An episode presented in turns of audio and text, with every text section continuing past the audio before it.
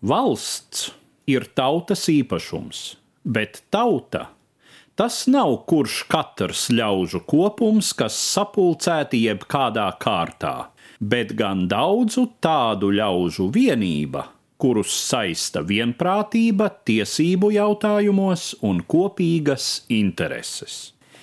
Šis formulējums pieder pirmā gadsimtā pirms mūsu ēras dzīvojušajam romiešu filozofam un oratoram Markam Tullijam Ciceronam, Cēzara, Marka Antonija un Oktaviāna Augusta laika biedram. Jau savā laikā uzskatīts par izcilu oratoru, vēlākajos gadsimtos Cicerons kļuvis par saudabīgu retorikas etalonu figūru lai pieminam kaut vai viņa runas Romas senātā pret kolēģi senatoru Katilīnu, kurš organizēja sazvērestību nolūkā sagrābt varu un likvidēt Romas republikānisko iekārtu. Četrās spožās uzstāšanās Cicerons atmaskoja sazvērestību un piespieda Katilīnu bēgt no galvaspilsētas. Pie tam jāņem vērā, ka oratoram nepietika vien piesaukt faktus.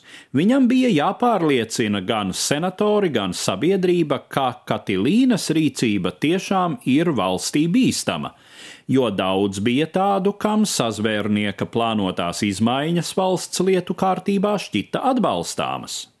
To nebūtu nav grūti iztēloties arī mūsdienās, kad daža laba populāra politiķa karjerā robeža starp efektīvu un kriminālu darbību izrādās visai izplūdusi.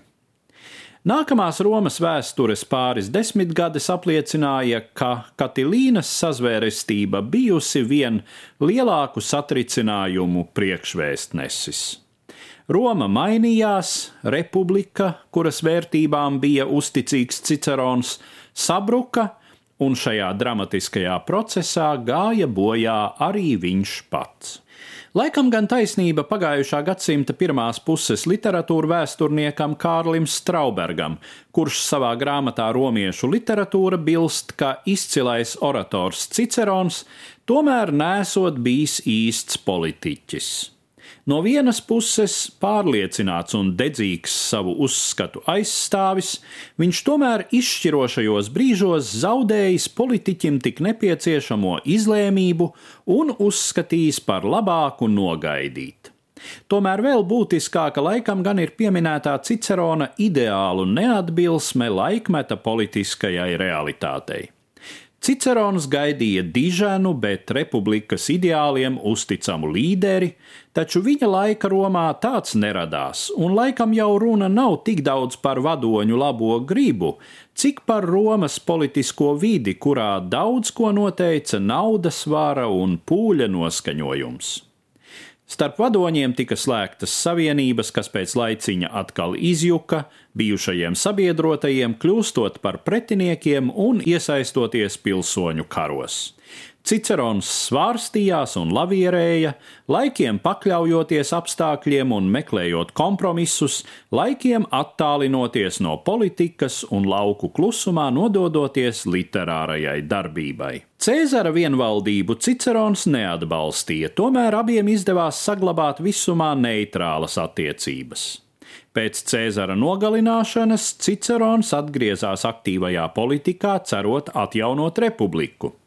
Tas viņu noveda pie neizbēgamas sadursmes ar nākamo imperatora lauru tīkotāju Marku Antoniju. Cicerons mēģināja izspēlēt pret Antoniju 18-gadīgo Cēzara padēlu Oktaviānu, un tas gandrīz vai izdevās, taču tad Oktaviāns un Antonijs uz laiku izlīga. Pēdējais izmantoja šo brīdi, lai izrēķinātos ar Ciceronu, kurš nesen bija uzstājies pret viņu ar 14 spilgtām runām. 43. gadā pirms mūsu ēras, 7. decembrī, divi pilnvaroti slepkavas, centurions Herennijs un tribūns Popilīs, apturēja Cicerona nestuves ceļā uz jūru, kur viņš cerēja kāpt kuģī un pamest Itāliju.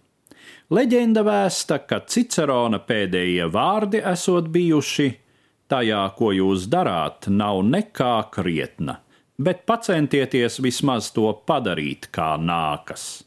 stāstīja Eduards Liniņš.